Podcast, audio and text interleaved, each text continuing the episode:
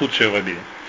Trouw vader, wij danken u dat we ook vanavond weer bij elkaar kunnen zijn en dat doen rond uw woord, vader. We zouden niet anders kunnen. We danken u, vader, dat u ons dat rijke, geweldige evangelie gegeven hebt. Vader, dat zo bijzonder is en waarin wij inzicht hebben gekregen, vader. En dat ook niet uit onszelf. U heeft ons dat gegeven door uw geest in ons te schenken. Vader, en dat zijn eigenlijk hele wonderlijke dingen. We danken u dat we door deze brieven van Paulus een geweldig uitzicht hebben op uw plan. Uw plan met Israël, met de volkeren, met de hele schepping, maar ook met de gemeente, Vader. Dank u wel dat wij leden mogen zijn van het lichaam van Christus. We danken u dat we ook mogen leren uit dat woord van u, ook in hele praktische zin, Vader. Beseffend dat we dat nodig hebben voor ons, onze geloofswandel. Vader, en dank u wel dat u ons door Paulus niet de wet oplegt, maar dat we goede adviezen krijgen die richting geven aan ons geloof, hoe we kunnen leven. Vader, we danken u dat we door u geroepen zijn en ook vanavond weer een moment stil mogen staan. Bij dat wat u zegt, leidt ons daarin door uw geest. Mag het zijn tot opbouw van ons geloof en bovenal mag het zijn tot lof en eer van uw naam. Vader, we danken u daarvoor in de naam van uw geliefde Zoon, onze Heer Jezus Christus. Amen. Goed, wij lezen met elkaar Romeinen 14. En daar staat, u echter wat oordeelt u uw broeder, of ook u wat minacht u uw broeder, wij zullen toch allen voor de rechterstoel van Christus gesteld worden. Want er staat geschreven, zo waar als ik leef, zegt de Heer, voor mij zal elke knie zich buigen en elke tong zal God beleiden. Zo zal dan nu ieder van ons voor zichzelf rekenschap geven aan God. Laten wij dan niet langer elkaar oordelen, maar oordeel liever dit. De broeder geen aanstoot of oorzaak tot struikelen te geven. Tot zover. En deze versen die eh, staan eigenlijk midden in een hoofdstuk dat uh, handelt over dingen die tot meningsverschillen leiden tussen gelovigen. Dus uh, als het gaat om het eten van of niet van bepaald voedsel. En als het gaat om het houden van dagen en al dan niet. En daar hebben we vorige keer ook wel stil bij gestaan. En daar uh, kan onder gelovigen enorm veel, en er is ook al heel veel verwarring over geweest. Er zijn heel veel ruzies over geweest in de loop van de tijd tussen gelovigen. Dus ze zijn daardoor uit elkaar gesplitst. En om maar even een voorbeeld te noemen wat, uh, als het gaat om het houden van dagen, dat ik vorige keer ook even genoemd heb. Er is ook een apart genootschap, dat heet de zevende dags Adventisten. Nou, die oriënteren zich helemaal op de Sabbat, hè, de zevende dag. En die hebben dan ook op de zevende dag kerk enzovoort. Dus daar, en die hebben dan een aparte geloofsgroep. En daaraan verbonden, ja, zijn ze eigenlijk ook, als je hun geschriften leest, zijn ze ook vrij wettisch. Maar dat, eigenlijk kan dat niet anders.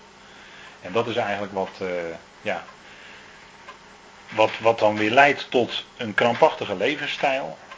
Uh, wat leidt tot het willen doen van allerlei werken. Vanuit toch een soort proberen, ja, toch moet ik dat zeggen, proberen zelf de dingen, je aan de dingen te houden. Um, en daarin, uh, nou ja, daarin zetten ze zich ook af tegen andere gelovigen. En ken ook wel voorbeelden van mensen die zich dan daarbij aansluiten en dan eigenlijk vreselijk in de krampen komen. En dat is nou eigenlijk net niet de bedoeling. Want als je nou kijkt waar de Shabbat een beeld van is, dan is dat geestelijk eigenlijk een beeld van de rust waar de gelovige uit zou leven.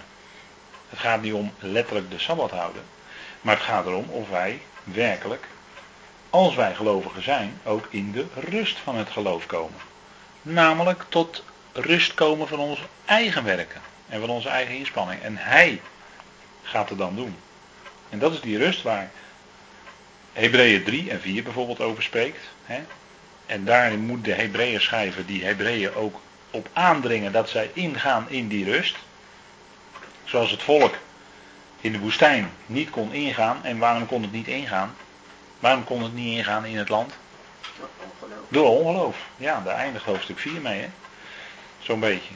Ze konden niet de rust ingaan wegens hun ongeloof.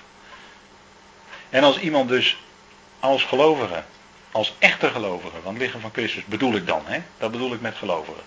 Als iemand dan zelf, vanuit zichzelf, heel druk bezig gaat, dan gaat zo iemand niet, dan is zo iemand nog niet ingegaan in de geloofsrust. Iemand kan zich ook heel erg inspannen om bijvoorbeeld zich te houden aan de Torah en de werken van de Torah te willen doen. En ik vind de Torah geweldig, alleen wel in de zin van wat is de geestelijke betekenis van de Torah. Daar wijs ik elke keer op. De geestelijke betekenis van de Torah. Die is heel rijk, want dat wijst in alle opzichten op de Heer zelf.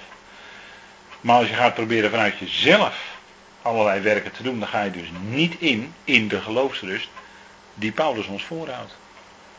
En daarin zouden wij ingaan. En kijk, daarin, dat heeft wel te maken met dit hoofdstuk 14. Leven wij echt vanuit geloof, leef je echt vanuit geloof, dan leef je ook absoluut uit de rust. En leef je ook in de rust. Want het is genade. Dus dan hoef jij het niet meer te doen. Jij hoeft het niet meer te bereiken. Jij hoeft het niet meer te bewerken. Nee, hij doet het. En dat is precies dan, dat is dan aan de ene kant voor een, voor een heleboel geloven hoor. Vandaag de dag, of een heleboel christenen moet ik dan misschien zeggen. Wat voorzichtiger. Voor een heleboel is dat dan het plafond om te komen tot die rust. Terwijl wij juist dat plafond hebben als bodem onder onze voeten. Dus wij staan juist in die rust. Wij leven juist in die rust. En dan kun je, kun je het heel druk hebben. En dan kun je elke dag heel druk bezig zijn. Dat was Paulus ook. Maar hij leefde wel vanuit de rust van het geloof. De Heer Jezus zei dan ook tegen zijn volksgenoten toen hij te midden onder zijn volk wandelde. Neemt mijn juk op je. Dat was een heel andere juk dan het juk van het wettische judaïsme. Wat hij om zich heen zag en waar hij bij gelegenheid ook heel erg hard tegenaan liep hoor.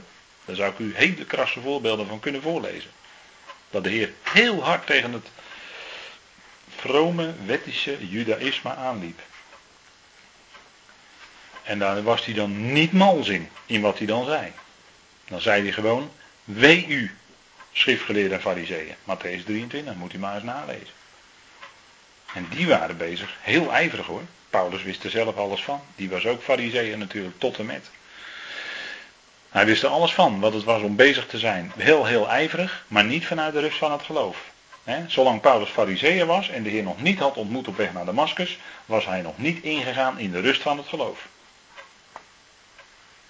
Maar we zouden wel ingaan in die rust. En wij zijn in die rust werkelijk ingegaan. We zijn tot rust gekomen. Ja, van ons eigen werken. Heerlijk. Heerlijk is dat. En als je dat nog niet bent, dan ondervind je dat helaas aan de lijf. En ik wens het iedereen toe. Dat hij ingaat als gelovig echt ook in de rust van het geloof. Want dat is zo ontzettend belangrijk. Dat voorkomt een heleboel kramp. Dat voorkomt een heleboel spanning. Dat voorkomt een heleboel enzovoort. Al die dingen. Maar we mogen gewoon leven uit genade. We mogen gewoon leven in geloof. We mogen leven vanuit dat wat God geeft. En bij gelegenheid doen wat onze hand vindt om te doen. En de Heer brengt heus wel dingen op onze weg.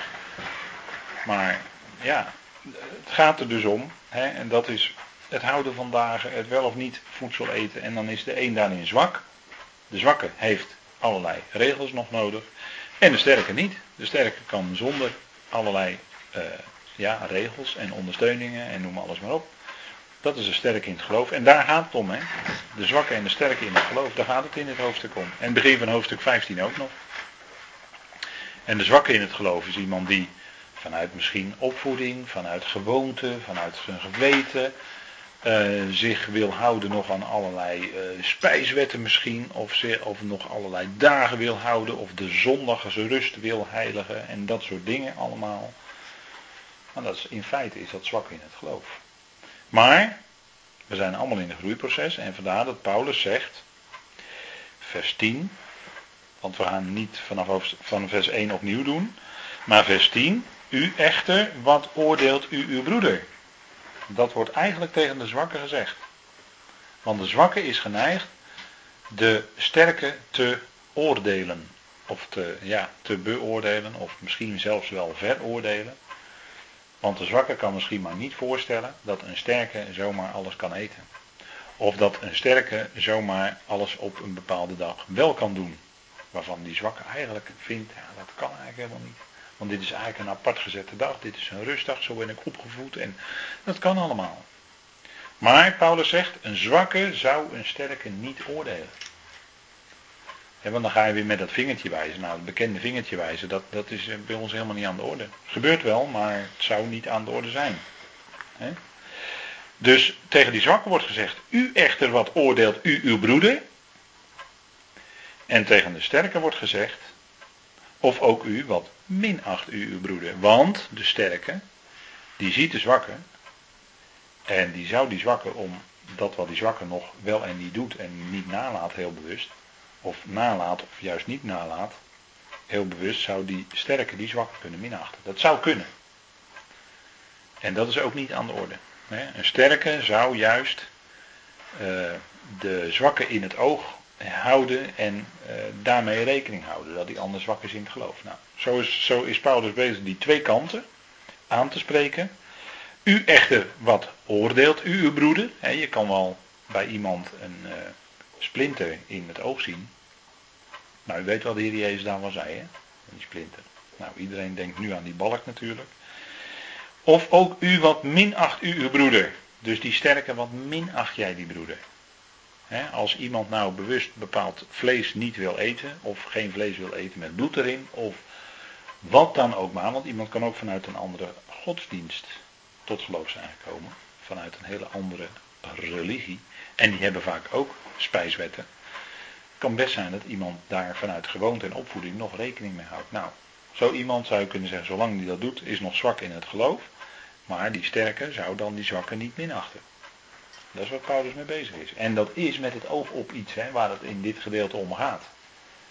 Want we zijn natuurlijk allemaal gelovigen. En we zijn allemaal in een bepaalde fase van geloofsgroei, van ontwikkeling. Die, die, die ontwikkeling die, die houdt nooit, eh, ja dat houdt wel een keer op als de bazuin klinkt. Dan houdt die ontwikkeling wel op, ja. Want dan gaan we over in een hele andere situatie. En dat is ook waar het hier om gaat. Hè? Want Paulus zegt, wij toch zullen alle voor de rechte stoel van Christus gesteld worden. En de rechte stoel van Christus, dat roept ook voor veel mensen een soort uh, ja, angstbeeld op. En dat is, daar, daarin is ook natuurlijk de traditie ook wel een beetje debet. Want wat heeft de kerk gedaan? De kerk heeft in zijn dogmatiek eigenlijk die hele zaak op één hoop geschoven. Wat bedoel ik dan? De grote witte troon die pas na de duizend jaar zal staan. De troon zijn de heerlijkheid. Waar heb ik het dan over? Dan heb ik het over de troon, dus de regering die Christus aanvaardt aan het begin van het millennium, dus aan het begin van de duizend jaar. Als hij als een herder de volkeren bij elkaar verzamelt en ze zal richten, of ze van elkaar zal scheiden moet ik eigenlijk zeggen, maar dat is, heeft ook met gericht te maken. Hij zal ze van elkaar scheiden zoals een herder de schapen van de bokken scheidt. Waar gaat het dan om? Gaat het dan om mensen, om individuele mensen? Nee, het gaat daar om volkeren. Het gaat om volkeren, let goed op hè. En het criterium daar bij de troon zijn heerlijkheid, Matthäus 25 is dat. Dus de maat waarmee gemeten wordt, is niet of zij hebben geloofd in de Heer Jezus, in het kruis van Christus in zijn dood en opstanding, dat is daar niet het criterium hoor. Want dat zul je in heel Matthäus 25 niet lezen. Het criterium, de maat die aangelegd wordt in Matthäus 25, waarmee gemeten wordt, waarmee die volkeren gemeten worden, is hoe zij, de broeders van de Heer naar het vlees, Israël dus, behandeld hebben in hun nood en druk en verdrukking. Dus het gaat om hoe de volkeren zich opgesteld hebben tegenover Gods volk, de broeders van de Heer. Dat is het criterium. En op grond van dat gedrag wat die volkeren hadden ten opzichte van het Joodse volk, zullen zij een plaats krijgen in het millennium. En dan gaat het helemaal niet om dat zij in de eeuwige pijn komen, want dan wordt er vertaald, hè, Matthäus 25, vers 46, dan wordt er vertaald de eeuwige pijn en dan denken een heleboel gelovigen dat het dan gaat om individuele mensen die dan voor altijd in de hel komen. Maar daar gaat heel Matthäus 25 helemaal niet over. Die volkeren die de broeders van de Heer slecht behandeld hebben, die komen zelf in het millennium in de eonische afsnijding. Dan staat er het Griekse woord kolasis. En dat betekent insnoeiing of afsnijding.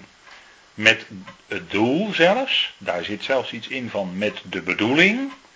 Net zoals een, uh, iemand die uh, veel verstand heeft van bomen, bomen gaat snoeien. Opdat er meer vrucht komen. Want waar je snoeit komen nieuwe takken tevoorschijn en die gaan meer vrucht dragen. Dat is eigenlijk de gedachte. Dat is eigenlijk de bedoeling ook van dat gericht wat daar plaatsvindt. Colasis staat er dan. En dat is heel aardig, als ik dat woord zo uitspreek, dan moet ik denken aan het gesprek van uh, Wim Hogendijk, die dat op de radio had met Andries Knevel en Dr. J. Hoek. Dat is een hele gerenommeerde uh, leraar binnen de reformatorische gezinten, die ook uh, predikanten opleidt enzovoort. Professor Dr. J. Hoek uit Veenendaal. Die zaten daar met Wim Hogendijk in gesprek en toen ging het over dit gedeelte. En dat was wel aardig, vond ik, want Wim die haalde naar voren dat het in Matthäus 25 gaat over, inderdaad, maar die probeerde dat een beetje uit te leggen. En toen zei hij het Griekse woord collage betekent insnoeiing. En dokter Hoek moest zich haasten om te zeggen dat het klopt. Kon niet anders, want iedere theoloog weet dat het klopt. kijk, zo, en dat vond ik eigenlijk mooi, want zodra je dus met het Griekse woord aankomt, wat er staat en wat de juiste betekenis is, dan zullen ze ook gelijk erkennen dat het zo is. Dus dokter J. Hoek moest toen erkennen, ja, het staat collage, dat betekent insnijding.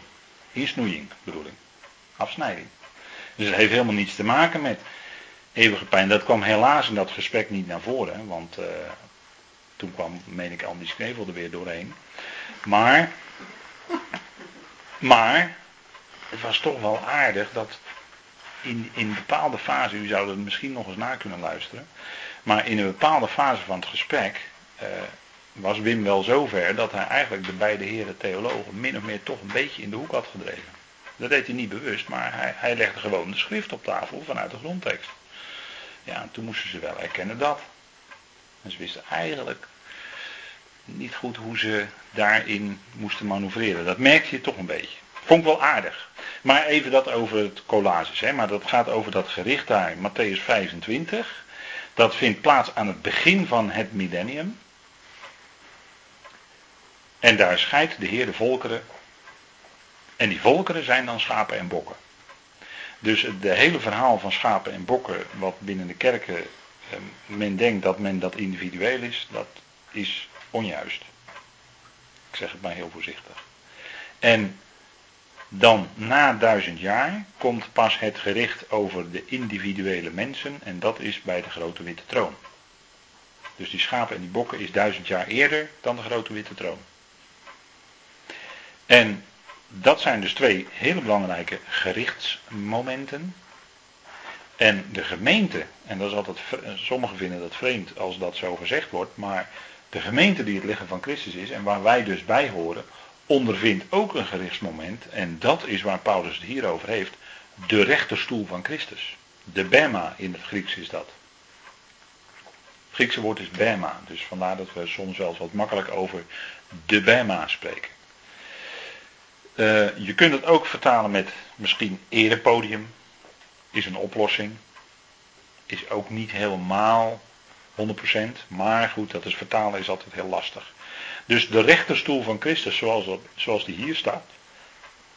En waar Paulus het over heeft. Is dus niet de troon zijn heerlijkheid. Want dat is aan het begin van de duizend jaar. Dat is over volkeren. Is dus niet de grote witte troon. Want dat is over de individuele mensen die in ongeloof gestorven zijn.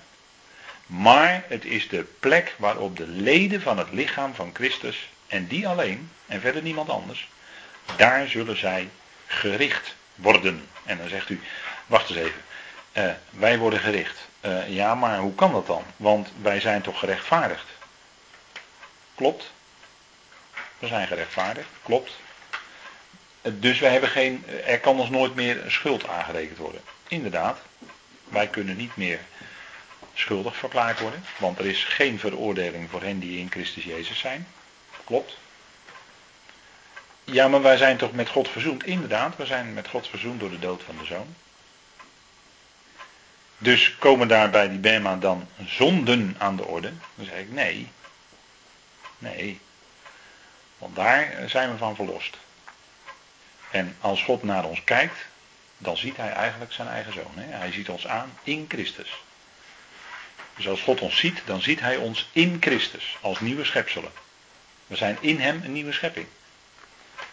Dat betekent dus dat zonden of zonde kan bij de Bema per definitie niet aan de orde komen.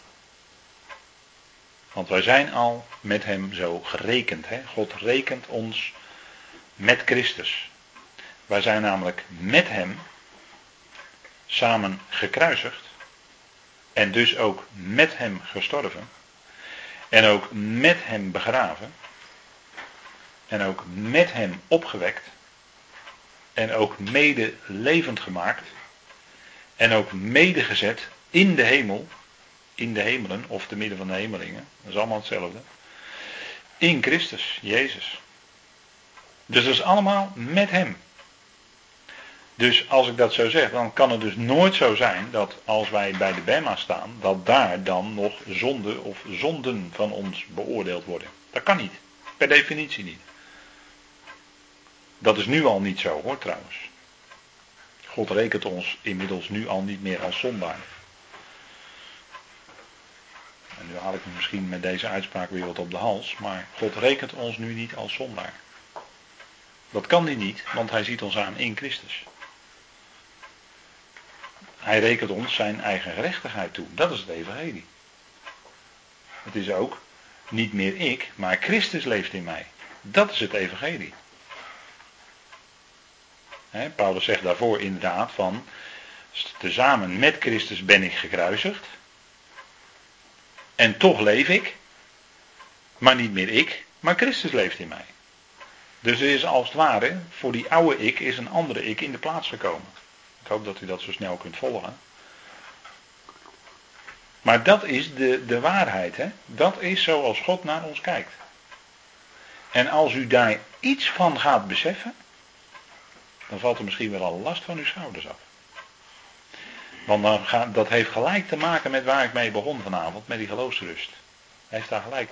Dat je dat gaat beseffen. Dat je daar iets van gaat beseffen. Dat het tot je door gaat dringen wat dat betekent. Praktisch ook, bedoel ik dan, hè, in ons dagelijks leven. Wat het betekent. Want dat betekent, dat is gewoon het bevrijdende evangelie hoor. Want dat gaat gewoon door met te zeggen van, ja, maar niet jij hoeft het te doen, maar hij doet het. Dat heeft daar alles mee te maken. Jij hoeft het niet te doen, nee, hij doet het. En dan sta je ook in de rust. Dan sta je ook in het geloof. En dan wandel je ook in geloof wij wandelen in geloof, zegt Paulus. Niet door wat wij waarnemen, dus niet wat wij zien met onze ogen of wat wij horen met onze oren. Daarop reageren wij in de diepste zin niet. Maar wij wandelen in geloof. Niet in aanschouwen. Niet in wat wij waarnemen of zien of wat dan ook. Nee, we wandelen in geloof. Dus wij kijken anders dan anderen.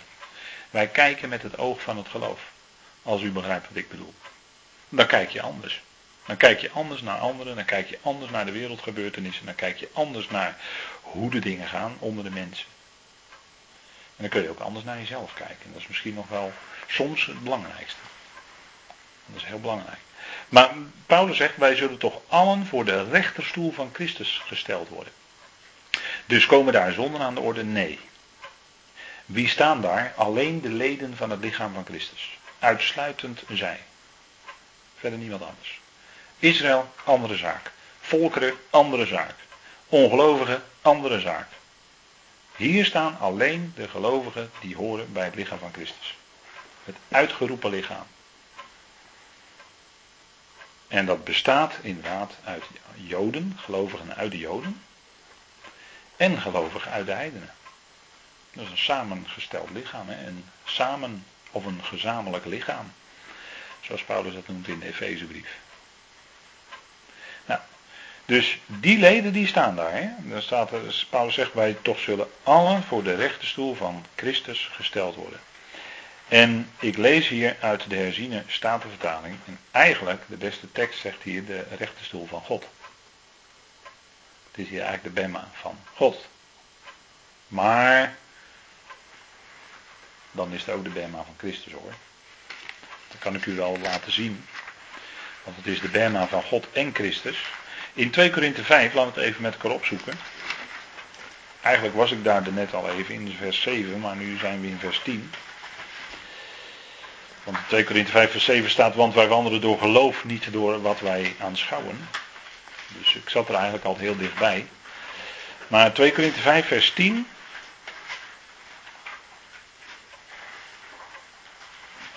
En het is nu, voert nu even te ver voor, om dit verband helemaal te bespreken van 2 Korinthe 5. Want dan zijn we een avond of drie, vier bezig, denk ik. Maar nu gaat het alleen even om vers 10. En er staat, want wij moeten allen voor de rechterstoel van Christus openbaar worden, opdat ieder vergelding ontvangt voor wat hij door middel van, en dan staat er het lichaam gedaan heeft, maar dan gaat het wel degelijk om het individuele lichaam van de individuele gelovigen. Even om het eh, even te preciseren. Het zij goed, wat hij gedaan heeft, het zij goed, het zij slecht. En gelijk erbij bedenken wat ik net zei, het gaat hier dus niet om zonden. Want een in onze ogen, of een in onze ogen goede daad, kan tegelijkertijd ook slecht zijn. Alleen het is even van welke kant je het benadert. En andersom ook, in onze ogen een slechte daad, kan van de andere kant benaderd ook een goede daad zijn. Voorbeeld, de kruisiging van onze Heer was van één kant bekeken kwaad, was slecht, was zelfs een zonde. Men zondigde door de zoon te kruisigen. En van de andere kant bekeken was, iets, was het iets dat goed was in Gods ogen, want het moest gebeuren. De kruisiging van onze Heer. Dus dan zien we dat een daad, dus iets wat de mensen hem aandeden, verschillende kanten heeft. Aan de ene kant goed, en van de andere kant benadert kwaad of slecht. Maar het heeft beide kanten en die kunnen gewoon naast elkaar bestaan. En zo is het met veel dingen. Het is maar van welke kant je het benadert. En zeg ik niet om dat je dingen kan gaan relativeren, dat bedoel ik niet. Maar wel dat dingen vaak meerdere kanten hebben. Dus vandaar dat Paulus hier zegt, wat iemand gedaan heeft, het zij goed, het zij slecht. Want bij de Bema komen de hogere overwegingen aan de orde, de overwegingen die wij nu niet kunnen zien en wij ons vaak afvragen waartoe gebeurt nu dit of dat met die of die gelovigen, waartoe is dat? En dan zeg ik vaak ja, ik weet het niet en ik weet het ook echt niet. Echt niet. Waarom iemand bepaalde dingen overkomt en juist andere iemand weer niet, ik weet het niet, moet u mij niet vragen. Maar de Heer weet het wel. En die zal het dan bij de Bema laten zien. En dat is het punt. En daar hou ik me ook aan vast. En sommige dingen die soms heel moeilijk waren. En waar je dan eigenlijk op een gegeven moment gewoon niet uitkwam. Ook in, in, in geestelijke conflict situaties. Daarvan leer je dan om dat op een gegeven moment over te laten aan de Heer en aan de Bema. Aan dat moment, daar zal alles blijken. Bij de Bema zal alles blijken. En er zal blijken waartoe iets zo was of waartoe iets zo is geweest. Daar zal alles opgehelderd worden. Kijk, een woord, een heel belangrijk woord in verband met de Bema is wat hier staat openbaar worden. In vers 10. Hè? Wij moeten allen voor de rechterstoel van Christus of voor de Bema van Christus openbaar worden. Geopenbaard worden. Daar, wordt, daar worden de dingen dus duidelijk. Dan valt het juiste, het volle licht erop. En wij kunnen misschien ook in gedachten iets bekijken van allerlei kanten, maar dan ben ik ervan overtuigd dat wij niet alle kanten zien. En dat wij bepaalde kanten vergeten. Of bepaalde kanten niet eens kunnen zien. Omdat het voor ons geheim blijft. Omdat God het weet waartoe het is. En dat is wat je altijd je hoogste overweging is. Als je je afvraagt waartoe is het en je komt er niet uit. Dan is het altijd, nou vader, u weet ervan. U weet ervan. U weet hoe dat zit. En u weet ook waartoe het is. En ik denk dat je dan uiteindelijk weer, en dan gaan we weer terug op dat thema, in die geloofsrust bent. In die geloofsrust van Vader weet waartoe het is. Vader weet dat het ten goede zal uitwerken. En dat is onze verzekering die we altijd hebben. God weet waartoe dat gebeurd is, gebeurt. En hij werkt het uit en doet het uiteindelijk ook meewerken ten goede. Dat is juist als Paulus het heeft over dat wij niet weten wat wij zullen bidden naar wat moet zijn. Dat is toch heel vaak zo. Dat je voor iets bidt, maar eigenlijk weet je niet een richting. Je weet eigenlijk niet waar, waar, waar, waar het naartoe moet. En, en waarom het niet, iets niet verder komt of iets lijkt, lijkt vast te zitten en het komt maar niet verder. Ik kan natuurlijk een heleboel dingen gaan noemen, maar dat is niet zo belangrijk. Maar wel is, wat daar bovenuit staat, is dat God degene is die alle touwtjes in handen heeft en dat God het uitwerkt ten goede. Dat hij doet dat meewerken ten goede, samenwerken zelfs. Dus gebeurtenissen waardoor wij misschien zelfs wel verbijsterd zijn. Uiteindelijk weet God waartoe het is. En dat is eigenlijk altijd onze diepe troost die we in ons hart meedragen. En waarbij je altijd ook God kunt danken bij wat je bidt. Want dan zit ik in Filippenzen, een stap verder. Je kunt hem ook danken bij wat je bidt. Eigenlijk altijd. Omdat we dat geheim wat Paulus kende ook hebben leren kennen. Het is voor ons ook openbaar van. Het is iets dat in zijn plan moet passen. En hij zal het uitwerken. En dat is dan tegelijk in je gebed je dankbaarheid. En dan kan Paulus ook zeggen, ja, maak je nergens zorgen om, in de diepste zin. Zorg je om niets. Maar laat alles met gebed en smeking. Met dank, met dank. En dat is enorm belangrijk. Dat is een enorm verschil met, met, met voorgaande tijden. Met dank bekend worden bij God. En dan geeft hij ook die vrede en die rust in je hart. En dat is ook die geloofsrust waar ik het dan over heb vanavond. Geloof, in geloof leven, in geloof wandelen. Gewoon stap voor stap.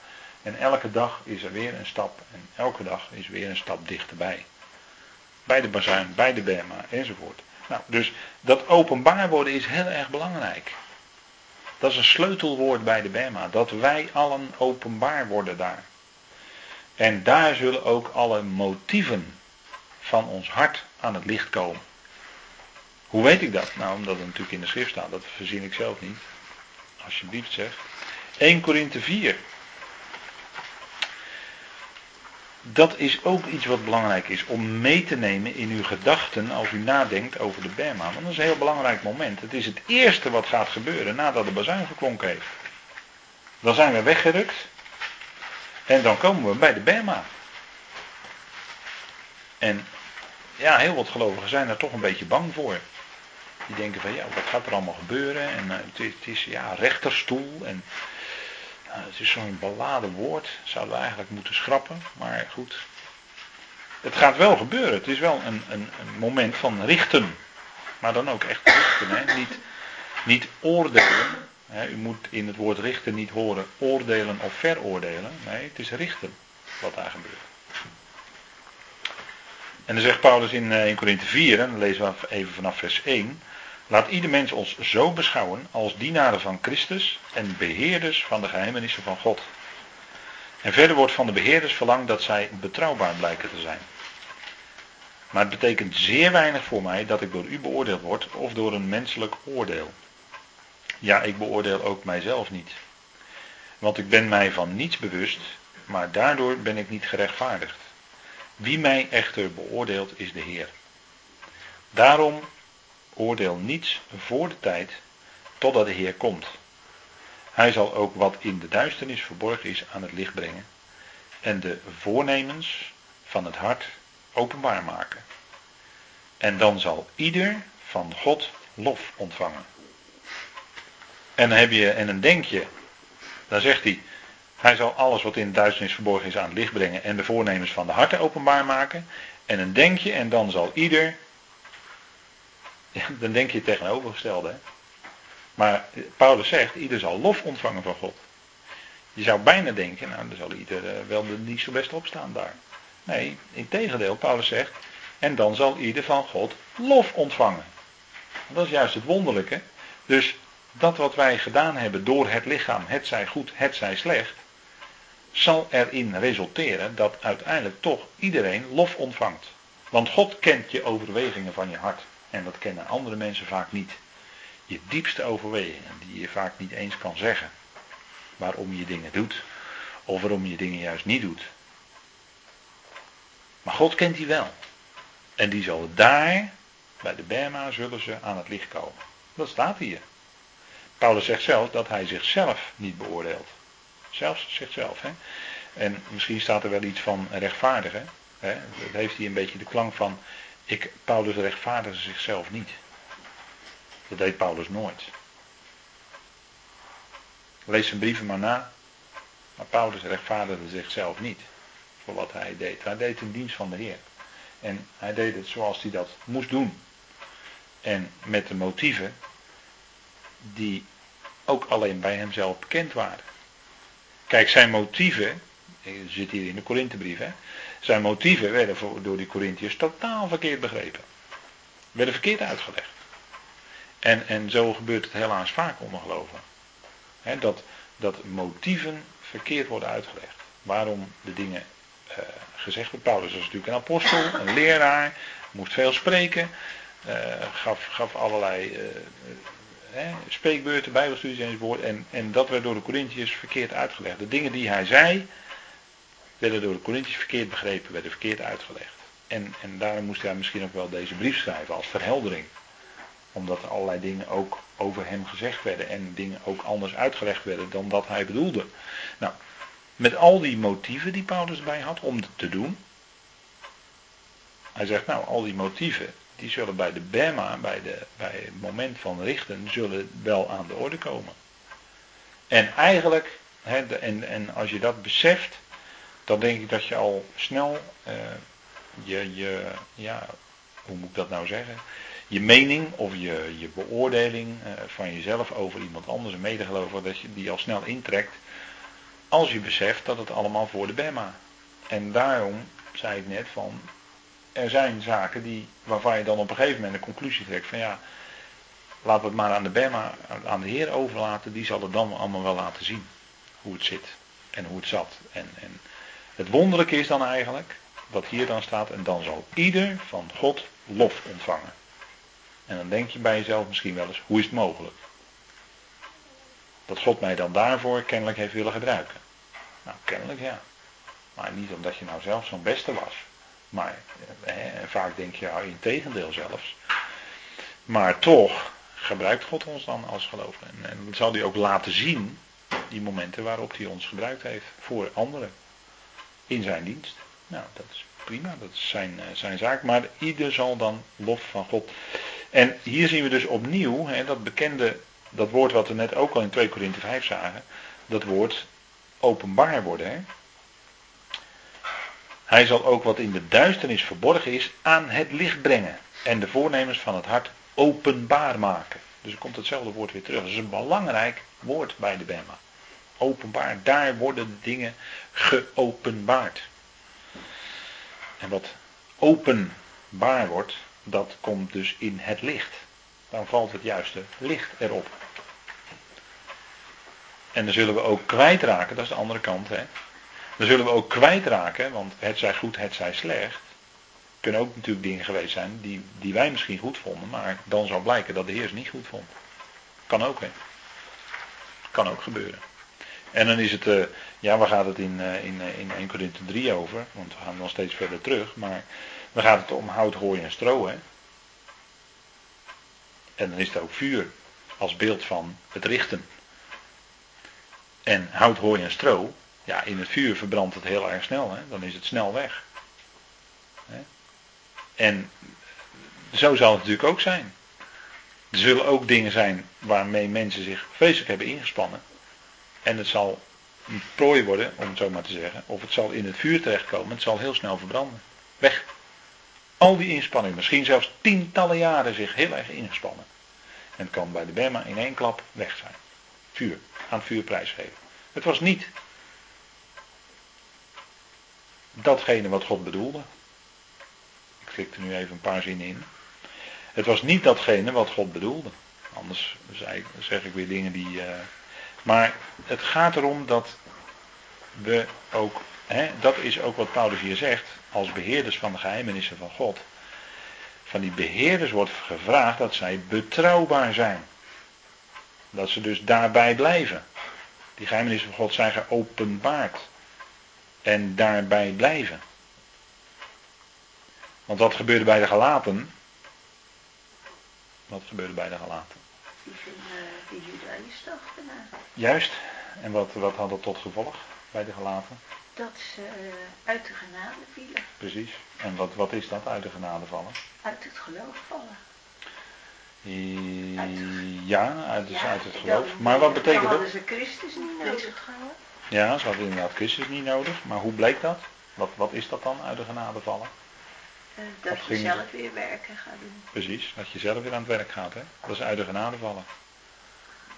Misschien wel hele goede, op zich, op het eerste gezicht, hele goede werken gaan doen die ook in de Bijbel staan. Zover gaat dat dan zelfs. En toch kan het zijn dat je dan uit de genade valt. Kijk, het was niet zo dat al die gelaten, net zoals die Corinthiërs, liederlijk gingen leven. Hè, en in allerlei vleeselijke lusten ten onder gingen. Zo was het niet bij die gelaten. Nee, die gelaten die gingen de werken doen. Ze gingen de werken van de wet doen. Hebben jullie de geest ontvangen uit de werken van de wet? Of uit de prediking van het geloof? Gelaten 3. Daar waren ze dus mee bezig. En ze gingen die werken van de wet, ik kan ook zeggen de werken van de Torah doen. En daarmee vielen ze uit de genade. Want ze gingen op een wettische manier aan het werk. Daarmee vielen ze dus uit de genade. Ik kan er niks anders van maken, Paulus zegt het. Galaten 5. Zij vielen uit de genade. En voor het uitvallen staat het Griekse woord ek pipto. En dat betekent eruit vallen. Ik kan er niks anders van maken. En dat was dus aan de hand. Hè? En kijk, en die dingen, dat soort dingen, dat zal dus bij de BEMA aan de orde komen. Want daar blijf ik toch even bij. We zijn bezig met dit onderwerp nog steeds hoor, als ik dat zo zeg. Maar dan is het dus wel, ga je daar dus mee als gelovige weer onder de Torah leven, om aan die Torah te willen voldoen, dan val je uit de genade. En al dat bezig zijn op die manier zal bij de Bema verbranden. Dat is hout, hooi en stro. Dus dat, is een, dat, dat zijn natuurlijk ernstige dingen. Maar daar, daar zit juist een, een, belangrijke scheidslijn in geestelijk opzicht, in ge, met de geestelijke dingen. Daar zit een heel belangrijke scheidslijn. Daar zit een scheidslijn tussen de rust van het geloof en daarin wandelen. En de, bezig gaan met de werken. je hebt in de Bijbel echt wel een verschil tussen werken van het geloof en werken van de wet. Daar is echt in, wordt echt in de Bijbel heel nauwkeurig onderscheid in gemaakt. En wij zijn bezig, als het goed is, met die werken van het geloof. Zoals de Thessalonicenzen ook bezig waren. Die waren bezig met, de, met het werk van het geloof. Met de inspanning van hun liefde.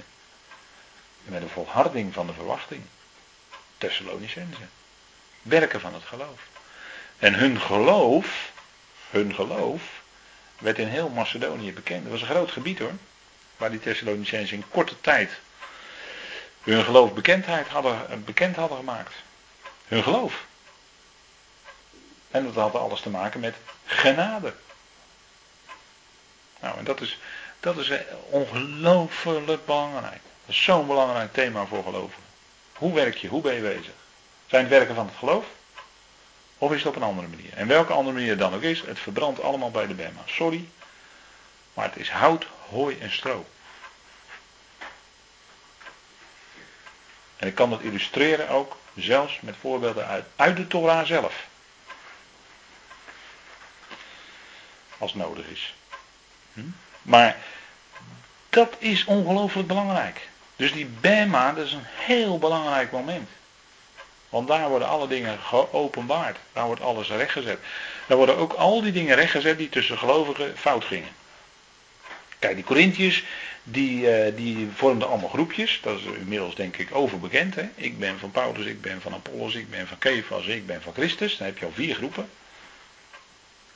We zullen maar niet over het christendom beginnen. En we zullen maar niet over de gereformeerden beginnen. En ook niet over de Pinkstergelovigen. En ook niet over de Baptisten. Want overal is die verdeeldheid. Maar dat is allemaal in het vlees. Hè? Is allemaal in het vlees. Gaat maar na. Verdeeldheid is altijd in het vlees. In de geest niet. In de geest is het lichaam van Christus één. En daarom benadrukt Paulus ook en roept ons op om de eenheid, welke eenheid? De eenheid van de geest. En die is er, en ik hamer daar steeds op. De eenheid van de geest is er met alle gelovigen. En die zouden wij bewaren in de band van de vrede. Die geestelijke eenheid, die is er met alle gelovigen. De verdeeldheid zit in het vlees, altijd. Is er verdeeldheid, dan is er ook vleeselijkheid. Zit erachter, altijd. Haakloverijen, twisten. Het zijn grote ego's die tegenover elkaar staan en die groepen achter zich krijgen. Ja, echt hoor, zo is het gewoon. Ik zeg het maar even rechtuit een keer. Maar zo, zo, werkt dat gewoon in de praktijk. En ik heb, het, ik heb het meegemaakt, ik heb het gezien. Maar zo gaat het. En dat is vlees. Daar zit de verdeeldheid. Twist. He? Twisten. Ik hoor dat er twisten onder jullie zijn, zegt Paulus. Zegt hij tegen de Corinthiërs. En zegt hij ook, jullie zijn nog vleeselijk. Zegt hij. He? 1 Korinthe 3. Jullie zijn nog vleeselijk. Dat is gewoon wat Paulus gewoon glashelder zegt. Dus dingen zijn best helder hoor. Alleen, we zouden ze goed onderscheiden. En het punt is dat alle verdeeldheid, waar dan ook tussen gelovigen, als daar uit elkaar gedreven wordt, dan is het oorzaak, altijd zit er het vlees achter. En natuurlijk de tegenwerker die probeert, de tegenwerker van God, die probeert de gelovigen uit elkaar te drijven. Die is natuurlijk als de slang bij om de gelovigen uit elkaar te drijven. Ja toch? Zo, zo gaat het. En zeker ook op het punt van de werken. Maar goed, dat, dat is. Uh, ik denk dat dat genoegzaam bekend is. Hè? Maar die dingen die zullen dus allemaal bij de Bema aan de orde komen. Bladeren we even terug naar Romeinen 14.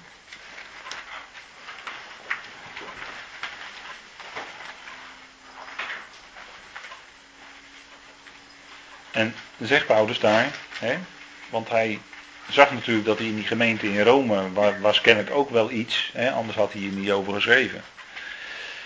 In gemeente in Rome zaten nogal wat uh, mensen die, die echt een achtergrond hadden van, ze hoorden bij het volk Israël. En er waren ook heidense gelovigen, dus gelovigen uit de heidenen. Dat was een gemêleerd gezelschap daar. Maar uh, daarom zegt Paulus, ja, jij echter, wat oordeel je je broeder? Of jij, wat minacht jij je broeder? Dat zou niet aan de orde zijn. He? Elkaar. Nee, want we zijn allemaal gelijk als wij bij die Bema staan. Hè? Wij toch zullen alle voor de Bema van God gesteld worden. Hier staat God, hè? dus in de herziende statenvertaling is Christus vertaald, is een handschrift kwestie. Maar de beste handschriften hebben God. Dus hier gaat het over de Bema van God. En Christus is de uitvoerder, om het zo maar te zeggen. Hè? Die voert dat gericht uit. Die voert dat richten uit. Dus wij toch zullen alle gelijkelijk, als allemaal gelovigen, en dan staan we daar allemaal gelijk hoor. Dan staan we allemaal als dezelfde, hè, op hetzelfde niveau, zijn allemaal gelovigen. En dan speelt, speelt op dat moment niet meer een rol wat, wat, wie wij waren, wat, wat voor dingen wij hebben gedaan. of wij nou, uh, of wij nou uh, een stoel hebben klaargezet in de zaal, of wij nou koffie hebben geschonken, of wij nou geld hebben gegeven, of wij nou uh, liturgie hebben gedaan of zonderschoolwerk. Of, het maakt allemaal niet uit daar. Maakt allemaal niet uit. Het gaat om de motieven van het hart. En we zijn allemaal daar gelijkelijk als gelovigen, staan we daar allemaal gelijkelijk. En allemaal op gelijk niveau. Allemaal in Christus. Allemaal met dezelfde roeping. Allemaal gerechtvaardigd. Allemaal verzoend. Dus we zijn allemaal gelijk. Vandaar dat Paulus dat ook zegt. Hè? Wij toch zullen alle voor de Bema van Christus gesteld worden. Niemand zal daar ontbreken. Ieder zal daar staan. En zal al die dingen die misgingen tussen gelovigen, die zullen daar ook opgehelderd worden. Dat zal allemaal weggenomen worden. Gelukkig wel. En is ook nodig. Hè, dit moment van de Bema is ook nodig. Omdat we daar, daarna Want daarna gaat het natuurlijk pas echt gebeuren.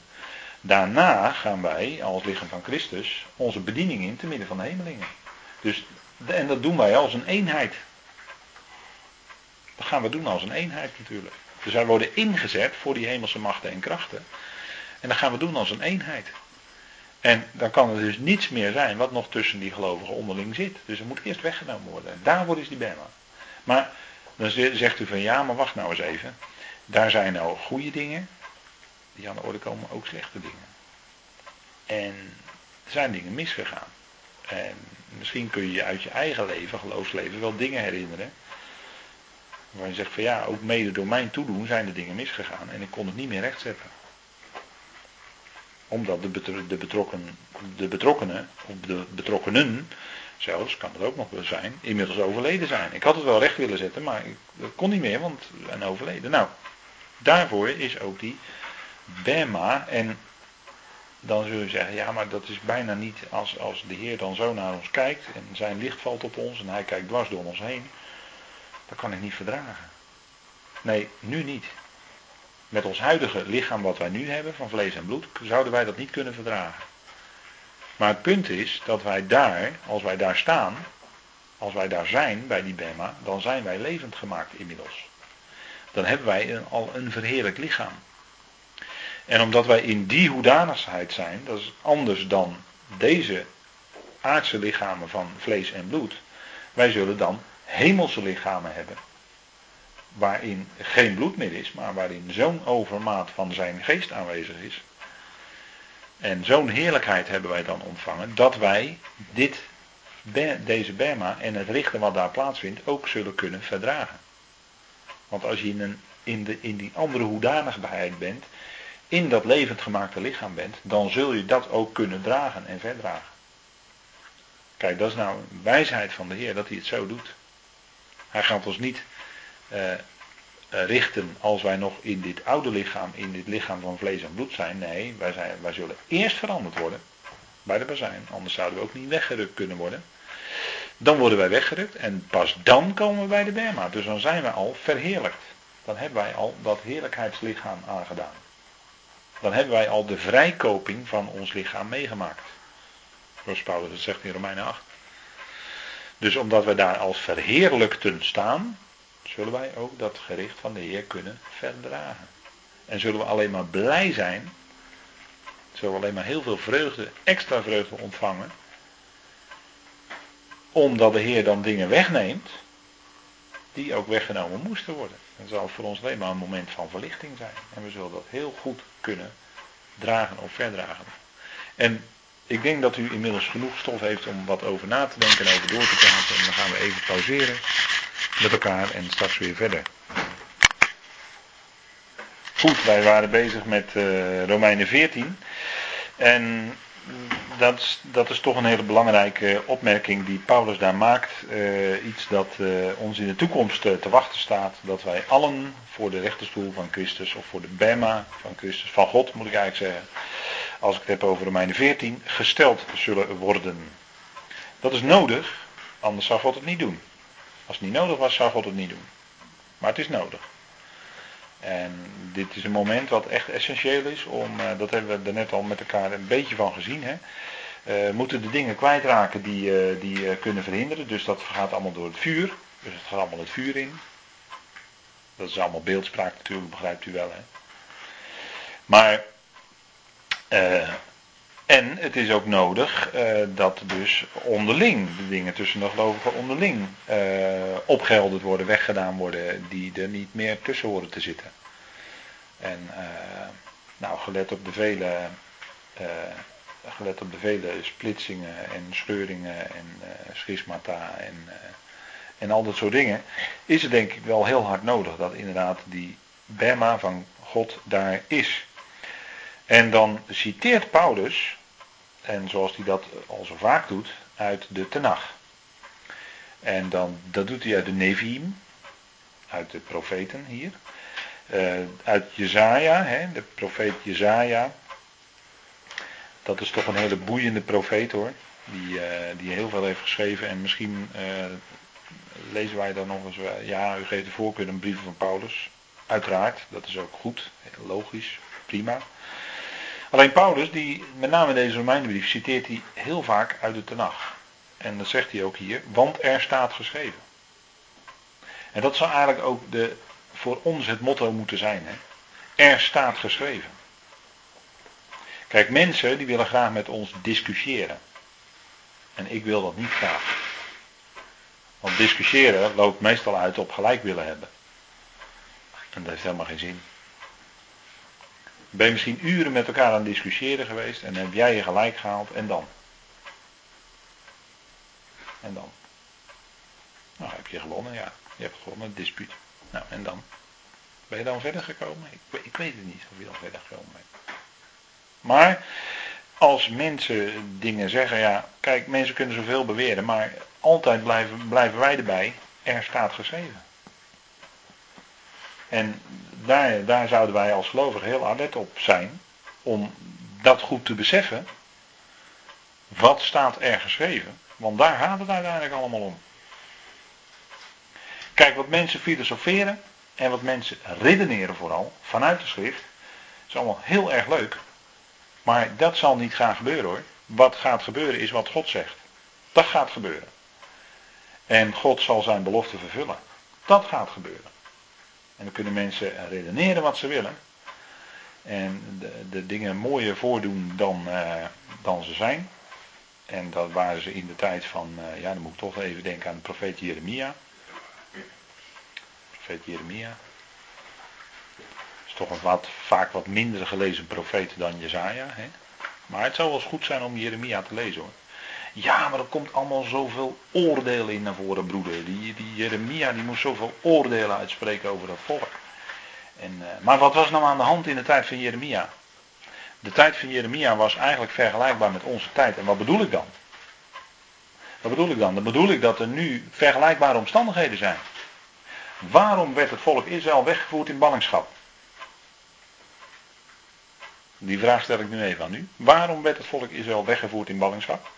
De afgodendienst. De afgodendienst. Ja. En waarom konden ze niet ingaan in de rust? Dat ontbrak hun aan geloof. Precies. De, allebei is het precies hetzelfde. Ze waren in het land, ze waren als volk in het land, maar ze bedreven afgodendienst. Met andere woorden, ze stonden daarin in ongeloof in het land. Die omstandigheden heb ik het dan over. En wat gebeurde daarop? Ze werden weggevoerd in ballingschap. Weet u dat er toen een heleboel mensen waren die zich opwierpen als profeet van God. En die zeiden, nee hoor, het zal vrede zijn voor Jeruzalem.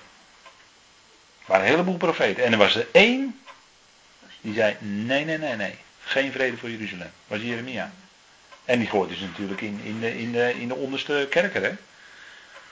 Die werd natuurlijk bijna, eh, nou ja, nog net niet vermoord, maar het zat er dichtbij. Maar er was er één die dus. En als ze nou allemaal bij hem kwamen van ja, Jeremia, bid dan voor dit volk. Maar wat had God nou tegen Jeremia gezegd? Wat had God gezegd tegen Jeremia? Ik zal niet horen. Ik zal niet horen, inderdaad. En wat had God gezegd over, je, over, de, over het gebed? Zullen we even met elkaar opzoeken dan? Wat God gezegd heeft? Ik zal je verbaasd misschien over staan. Ik heb het wel eens meer gelezen hoor. Ik heb het wel eens meer gelezen.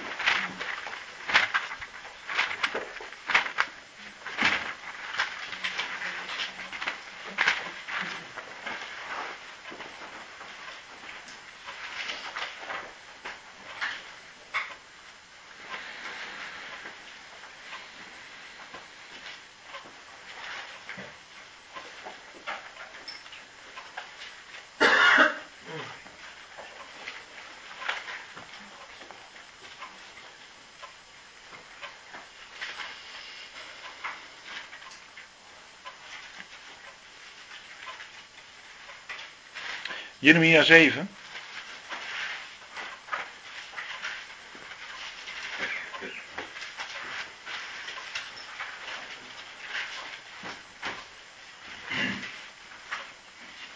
En ja, dat was. Uh, dat uh, dat uh, behoort tot, als ik het goed heb, tot de zogenaamde tempelprediking van Jeremia. En het was niet gezellig hoor, die tempelprediking. Maar het was wel de waarheid natuurlijk.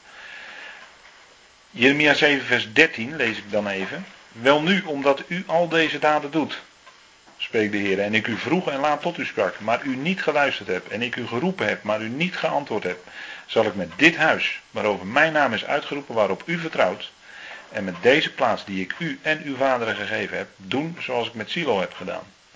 En ik zal u van voor mijn aangezicht wegwerpen, zoals ik al uw broeders weggeworpen heb, heel het geslacht van Ephraim. Wat was er met het geslacht van Ephraim gebeurd? Omgekomen, weggevoerd in ballingschap, want het geslacht van Ephraim staat voor de tien stammen. Die waren daarvoor al weggevoerd, weggevoerd in 722 voor Christus. Ze weggevoerd in ballingschap door de Assyriërs. Daar refereert de Heer hier aan. Hè? En dan zegt hij, en u bidt niet voor dit volk. Dat zegt hij tegen Jeremia. Bid niet voor dit volk. Hef voor hen geen geroep of gebed aan. Dring niet bij mij aan, want ik zal niet naar u luisteren. Zegt hij tegen de profeet Jeremia, hè, de Heer. Moet u nagaan hè, wat hier staat. En dan zeggen mensen, staat dat ook in de Bijbel? Ja, dat staat ook in de Bijbel. Ja. Bid niet voor dit volk. Zo ernstig was het. En niet één keer, maar zal ik u ook voorlezen uit Jeremia 11? Want dan staat het gewoon nog een keer hoor. Jeremia 11.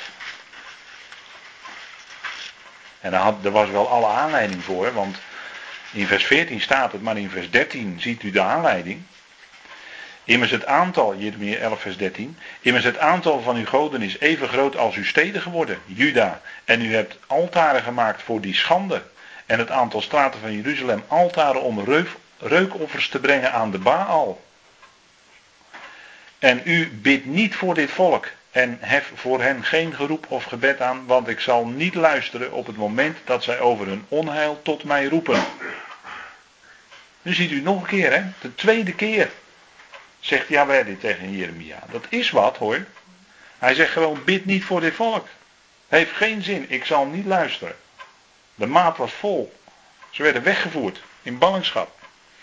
Nou, zegt u ja, het staat er twee keer. Nee, het staat er drie keer. Ik zal u nog één lezen. Jeremia 14, vers 11. En dan wordt het nog erger.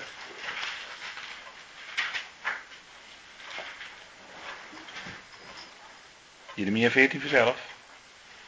Verder zeide de Heer tegen mij: Bid niet voor dit volk ten goede. Alsjeblieft. Maar het staat er.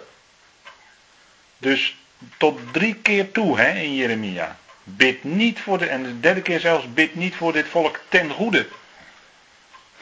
En weet u wat het nou is? Vandaag aan de dag, en sorry dat ik het zeggen moet, maar er zijn er dezelfde omstandigheden. Ik ben ook in Jeruzalem geweest. En we hebben het volk lief hoor, daar gaat het niet om. Maar het zijn vandaag aan de dag precies hetzelfde. Het zijn dezelfde omstandigheden als in de tijd van Jeremia. Het volk is in ongeloof. Zij luisteren niet naar Yahweh. Zij willen ook niet luisteren. Het is een ongelovige staat. En geldt precies hetzelfde. En dan is in feite aan de hand wat hier ook tegen Jeremia gezegd wordt. Het zijn dezelfde omstandigheden. En die zullen dus dezelfde consequenties hebben. Want Daniel 9 zegt. Als het gaat om de 70 jaarweken die besloten zijn over uw volk en uw heilige stad, dan zegt de Heer dat tot het einde toe vastbesloten reddingen, nee, staat er niet, vastbesloten verwoestingen zullen zijn.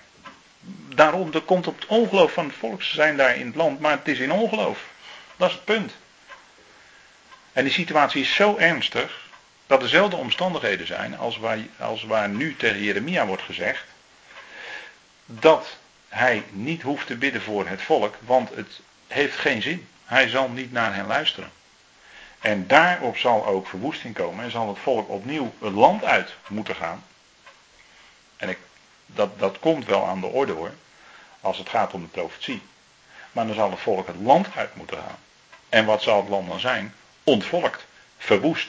En ik kan het ook zeggen met de woorden van Genesis 1 vers 2. Tohu bohu. Dat zal het land dan zijn. En daarna komt het herstel. Want dan komt de Messias. Die komt dan, dan vlucht het volk het land uit en de Messias zal het herstel brengen, maar niet eerder. En er zijn ook rabbijnen die zeggen, die terecht zeggen, op grond ook van dit onder andere, Maar die hetzelfde zeggen hoor, als wat ik nu vanavond zeg. Zij daar bijna die zeggen. Deze staat heeft geen zin. Want het wordt pas echt heil en vrede als de Messias komt. Dat weten ze. Dat weten ze uit de schriften. Dat staat er ook zo. Pas dan. En wij zeggen, ja, de Heer Jezus is de Messias. En dat is ook zo. Maar het zal dan pas echt vrede worden. Dan komt er pas echt het herstel van de vervallen hut van David. Dan gaat het ook gebeuren. En het gaat ook gebeuren, daar niet van. Maar nu, al degenen die zeggen dat het nu vrede wordt. En die nu Israël steunen als staat. Die, laat ik het maar zo zeggen, die wet op het verkeerde paard. Want het, het, is het verkeerde paard. Het is niet de Messias. De heer Jezus ontbreekt. Dan ontbreekt alles. De koning ontbreekt. Dan heb je niks. En dat is dan ook wat gaat. Ze zullen het land uitgevoerd worden. En natuurlijk het gelovige deel, ik geloof van harte dat het zal zijn in Petra, in Sela, in Jordanië. En daar hoop ik ooit nog naartoe, misschien als God het geeft. Hoop ik nog ooit eens een keer rond te lopen. Maar goed, geef verder niet. Daar zullen ze, als u het mij vraagt, heen vluchten. Het gelovige overblijfsel. En de rest gewoon het land uit of gedood. Eén van de twee. Ballingschap. Opnieuw. En ze komen pas terug onder aanvoering van hun Messias. En dan zullen ze dezelfde route afleggen als destijds Jozua aflegde. En ze zullen over de Jordaan het land binnentrekken. Als u mij vraagt, op dezelfde plaats bij Gilgal. Want dat kan eigenlijk bijna niet anders. Ook typologisch gezien niet. En dan zullen zij in het herstel komen, in de wedergeboorte. Nou goed, dan is het heilbaar en dan komt het. Maar nu, wat daar nu is, sorry. Maar dan is meer wat hier in Jeremia staat van toepassing dan alle prachtige woorden die eraan gewijd worden. En ik snap het best wel. Uit liefde voor het volk, enzovoort, enzovoort. En dat is allemaal prima tot je dienst. Maar gaan we echt kijken wat zegt de schrift? Dan kom je bij deze dingen uit. Dat kan niet anders. En zij zullen dan hem aanroepen. Inderdaad. En al wie de naam des Heeren aanroept, zal behouden worden. Zullen ze ook gaan doen. En dan zal hij er ook zijn. Dat is het punt. Maar dan zijn ze zo zwaar onder druk. Dan moeten ze wel, dan kunnen ze nog maar één kant op. En dat is naar Jaweh toe. Nou, dan zal hij er ook zijn. En dan zullen ze zien wie ze doorstoken hebben.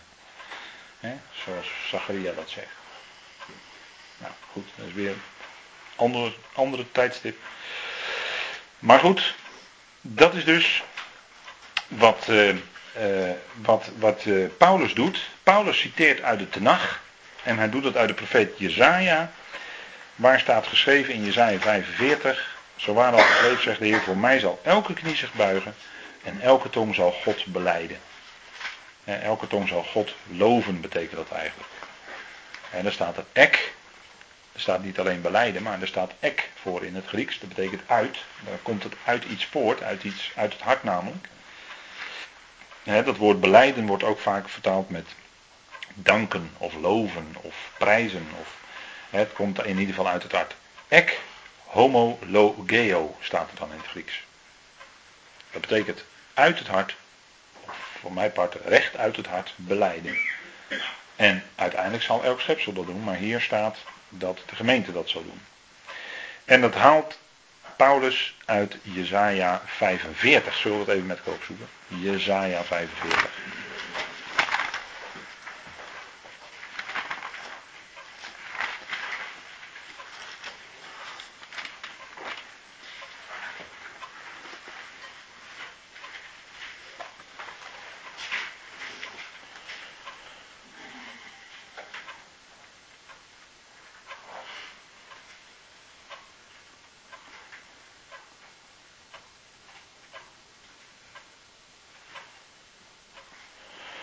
We even vanaf vers 20. Verzamel u, kom.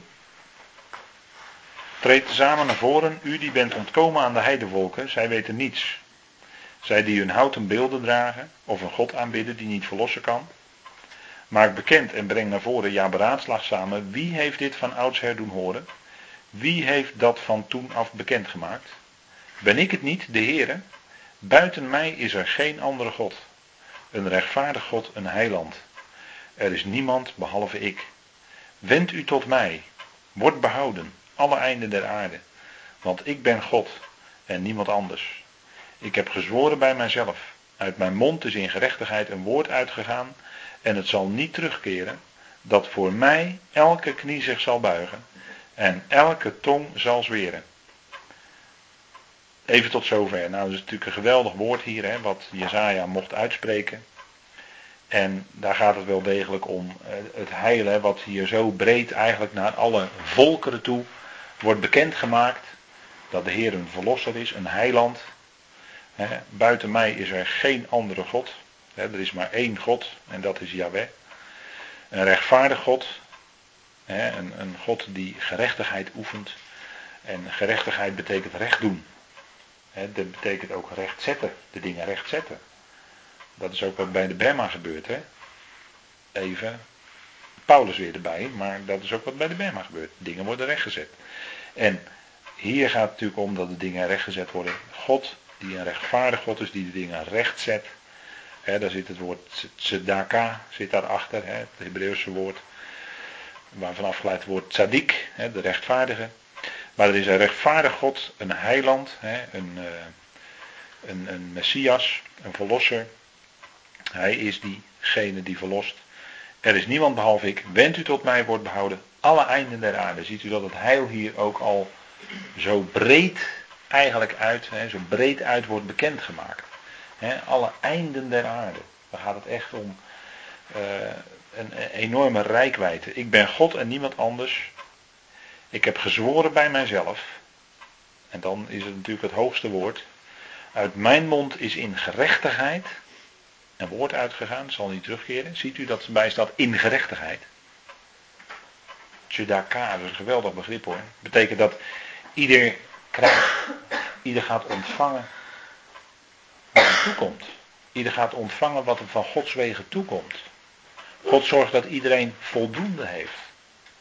Dat is ook recht doen. Dat heeft te maken met dat God omziet naar de weduwe en de wees. Dat hij voldoende geeft. Dat is ook gerechtigheid. Er zal niets ontbreken. De Heer is mijn herder. Adonai Roi. Ken het wel, die bekende woorden, Psalm 23. Adonai Roi. Mij zal niets ontbreken. Dat is ook gerechtigheid. Want het woord gerechtigheid wordt in Psalm 23 ook genoemd. Het gaat om die wegen van gerechtigheid. God doet gerechtigheid.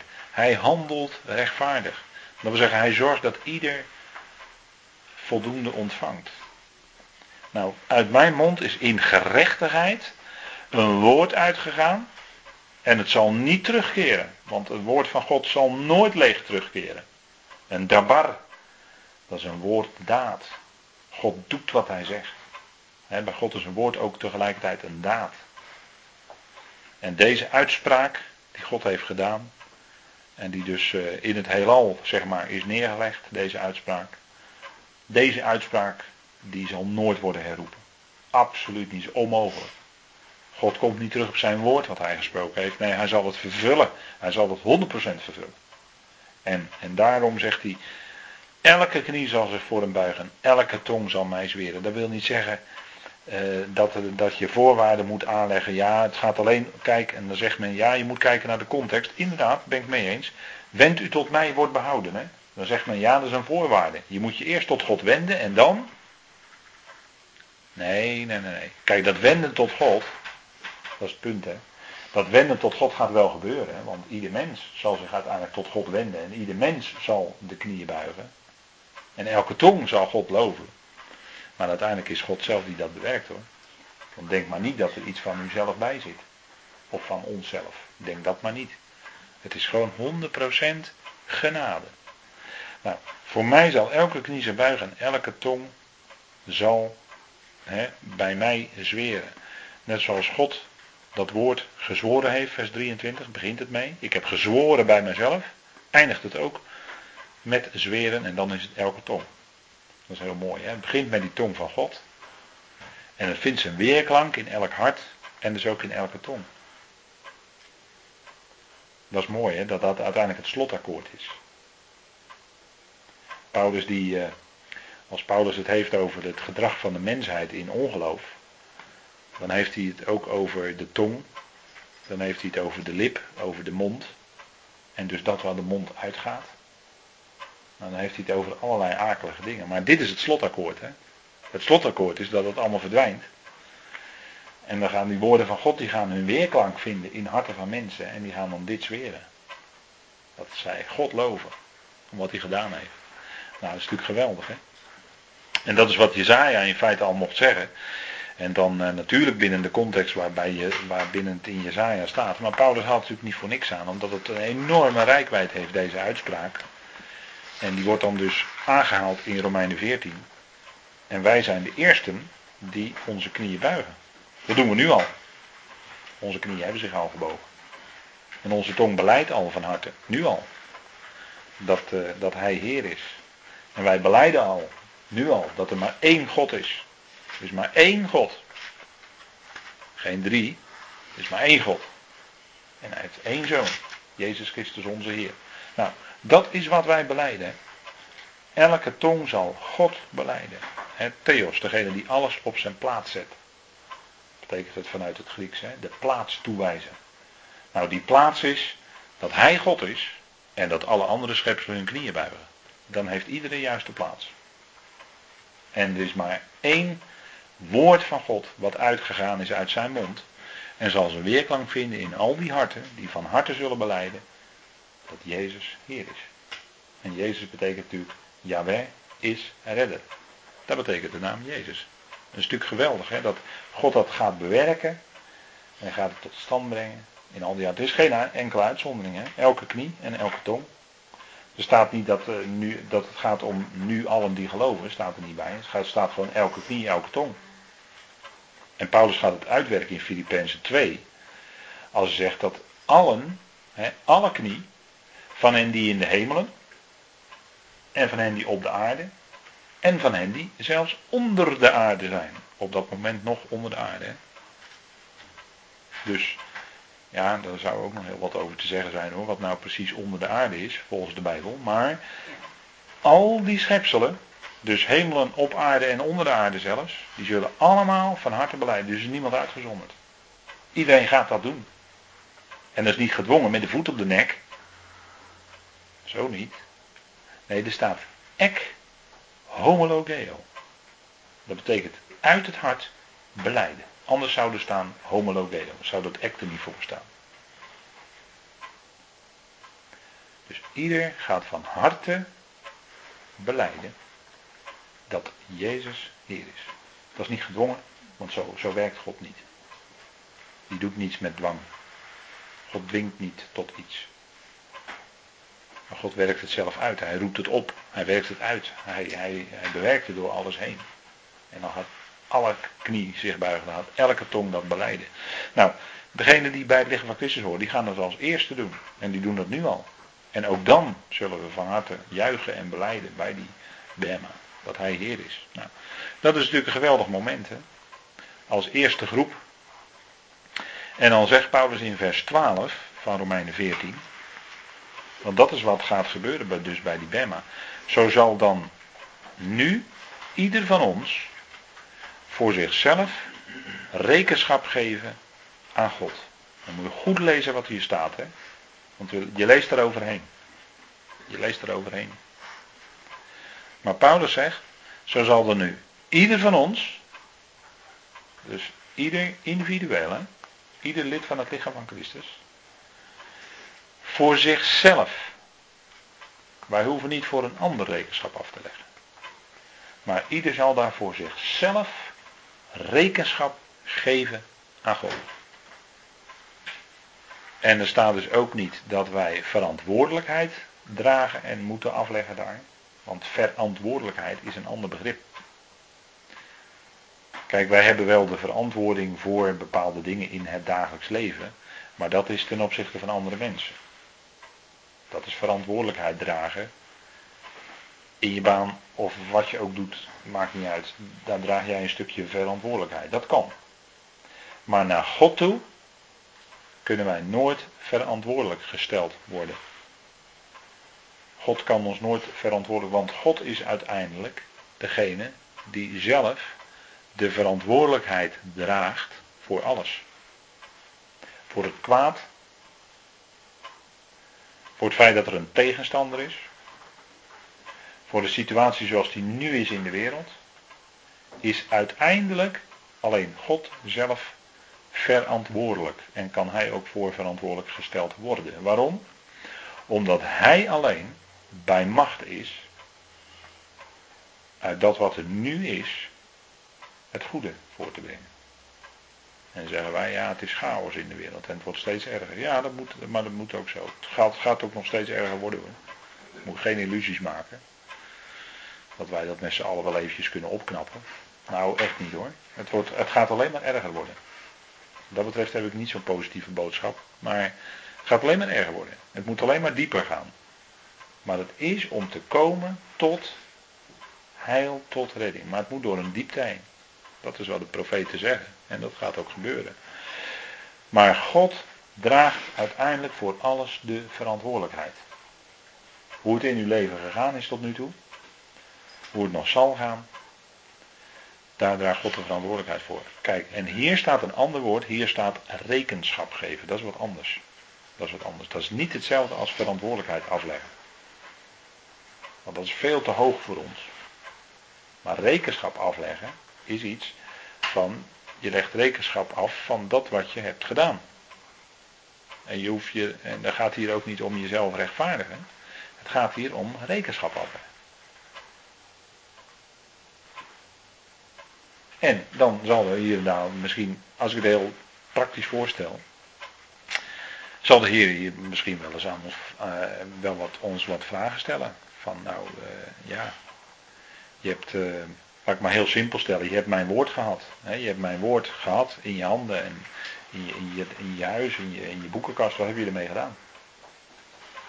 Even heel simpel gesteld. Hè? Heel gewoon straight, simpel gesteld. Gewoon. Nou, en dan is er van ons dat stukje antwoord geven wat wij dan doen bij de BEMA. Nou, Oké. En zo kun je dat proberen een beetje invulling te geven. Hebben een klein ideetje misschien. En dat is niet in de zin van uh, uh, veroordelend, maar het is wel in de zin van rekenschap geven. Rekenschap geven van dat wat je hebt gedaan. Of wat je niet hebt gedaan, dat kan ook. En dan is ieder voor zichzelf. En dan zal ook ieder uiteindelijk met de motieven erbij lof ontvangen van God. Dat zeg je dan ook bij, want dat hebben we ook gelezen vanavond. Ook dat is er. Dus eh, u moet niet vast blijven haken op dat rekenschap. Want daardoor zou u misschien ook in een verkeerde gedachtegang terecht kunnen komen. Maar laat die dingen naast elkaar staan die vanavond geklonken hebben. Dus ook dat, dat je lof ontvangt van God uiteindelijk. En ook dat wat God, wat je hebt kunnen doen, en waarvoor je lof ontvangt, daarvan zul je ook erkennen dat God dat door jou heen bewerkt heeft. Want hij doet dat door jou heen, door zijn geest. Vrucht van de geest. Ik zeg het eigenlijk al, hè. Vrucht van de geest. Dus het is niet de vrucht van jouw eigen inspanningen.